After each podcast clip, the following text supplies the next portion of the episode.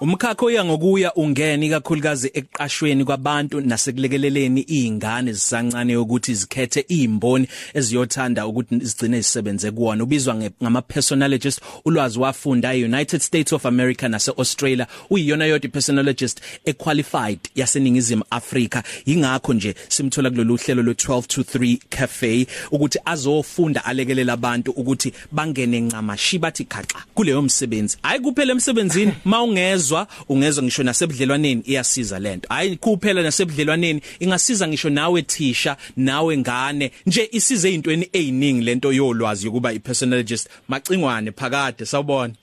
Ngikubingelele mfoka mhlongo ngibingelela abalaleli bakho Khosini FM ngibingelele no Selby ukube bekuyiseminar ayikho introduction ebidlula le he? Yes yes ya usuqedile mfoka mhlongo xa kwa insel beyond Ngicela ukuthi uyena kuphela eNingizimu Afrika.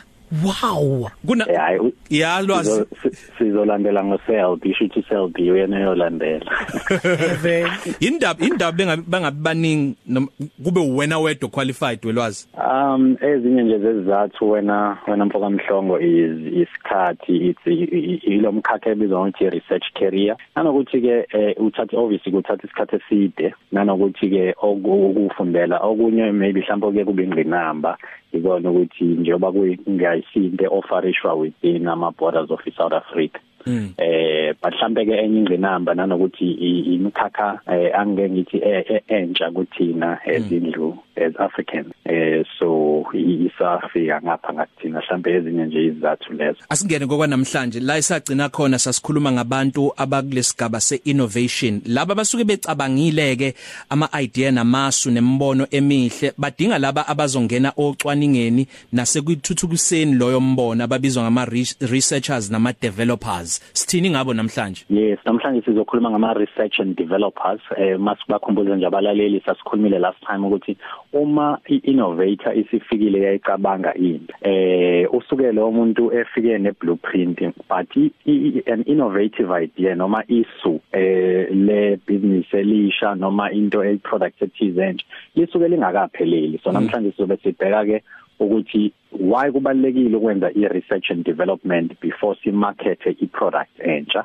Ukuze sikwazi ukuthi ifike in the market isivuthiwe nje mangibeka kanjalo mfoka mhlongo. Sibabona kanjani labantu laba bakwi research and development lwazi ngama features abasebusweni? abantu bakwi research and development uh, siya one of nje ama features esizobe siwabhekayo i feature yokuqala sibheka i width or ububanzi besiphongo eh i width yesiphongo ikhombisa sithi i width yona indicator i permanency of thought ngamanye amazwi ububanzi besiphongo the wider the forehead eh the more umuntu ekwazi ukuthi abambe umcabango owodwa isikhathi eside.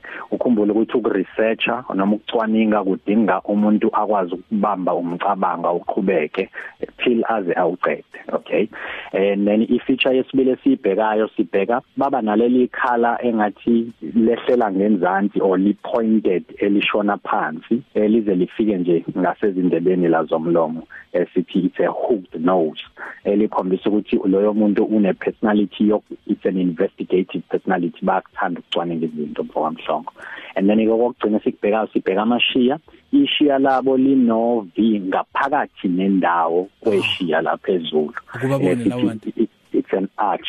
Uh, or an arc la ebala phezukweshiya ikhombisa ukuthi ke lo muntu ugood exstructuration izinto ngoba khumbula ukuthi idea wena siya isuke ingakabi naso istructure. So i research and development iyona edila nokuthatha ke leya idea engavuthiwe si structureishe ke manje mase siyenza ibusiness eliphelele. Kukhona mhlawumbe kungaba yinselelo kulabantu laba mhlasimpe ongathola ukuthi bangadinga ukuthi eh bathi ukukhwezela kuleyo ndawo khona bezokwenza kangcono? Eh abantu ke abama research and developers ikakhulu mekuyena umuntu oliqalile ibusiness ngenza isibonelo nje wena siya. Abantu abakama izinselelo zabo o ama challenges ababuye babe nawo ukuthi sometimes they over research eh into uthola ukuthi eh mase kuziwa kwisikhathi sokuthi ba execute kuba they spend isikhathi esiningi kakhulu into befuna ukuyicwaninga noma bayicwaningisise. Ngokwendalo ba ama perfectionist or bathanda into ukuthi yenzewe ngendlela e- e- exactly right. So in- inselelo yabo nje enkulu eh, i- u- ukwenza i- i- ukugcina lezi zinto esithi ama deadline or ukwenza into bayiqede ngesikhathi ngoba bona bafuna ukucwaninga bacwaningisise but kwenye inkathi nakucwaninga kuhamba kube ne limit yokuthi sesicwaningile manje sesingayithatha ke product siyifake kwimarket. Okunye ukucwaninga sizokuqedela uma isifikile kwimarket. Lokho kubasizayo ke abagadla ngakho singathi ama strengths abo i- ikuphi? Eh ama strengths abantu kuyaba ama research and developers ukuthi wena siya bakwazi ukwenza nalezi zinto esithi i- ama risk analysis. Eh ama innovators labe sasikhuluma ngabo ngenyanga edlule.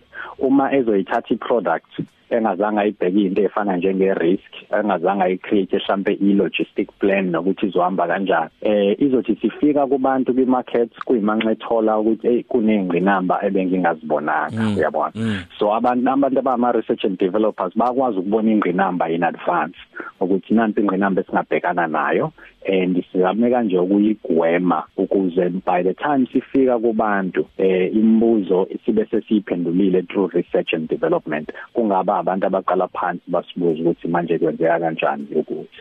Okugcina ke ama thinkers ama feelers ama doers personality traits abo bayini labantu laba abenza ucwaningo nabayi developayo into? Um, abantu abama research and developers eh ba ama thinkers baphinde babe ama feelers but kakhulu ba ama thinkers ngoba isikhathi esiningi baspenda noma basebenzisa becwaninga becwaningisisa izinto. Mawukhumbula nje siya last time sikhuluma ngangikhulume ngo Henry Ford umuntu okuyena oyekhanda imoto yokuqala. Eh it needed omunye umuntu ukuthi afike athi na siyayibona iproduct yakho.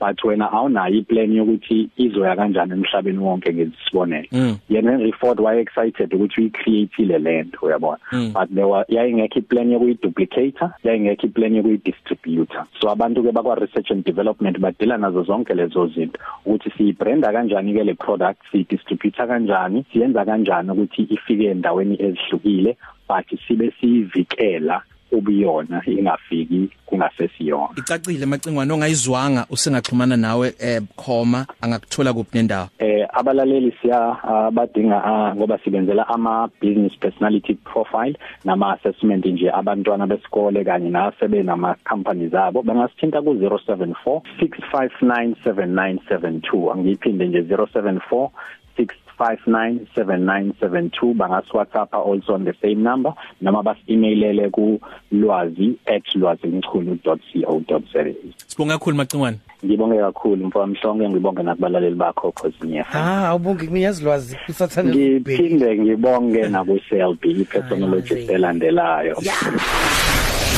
Sikhathi inside kwi 12 to 3 cafe.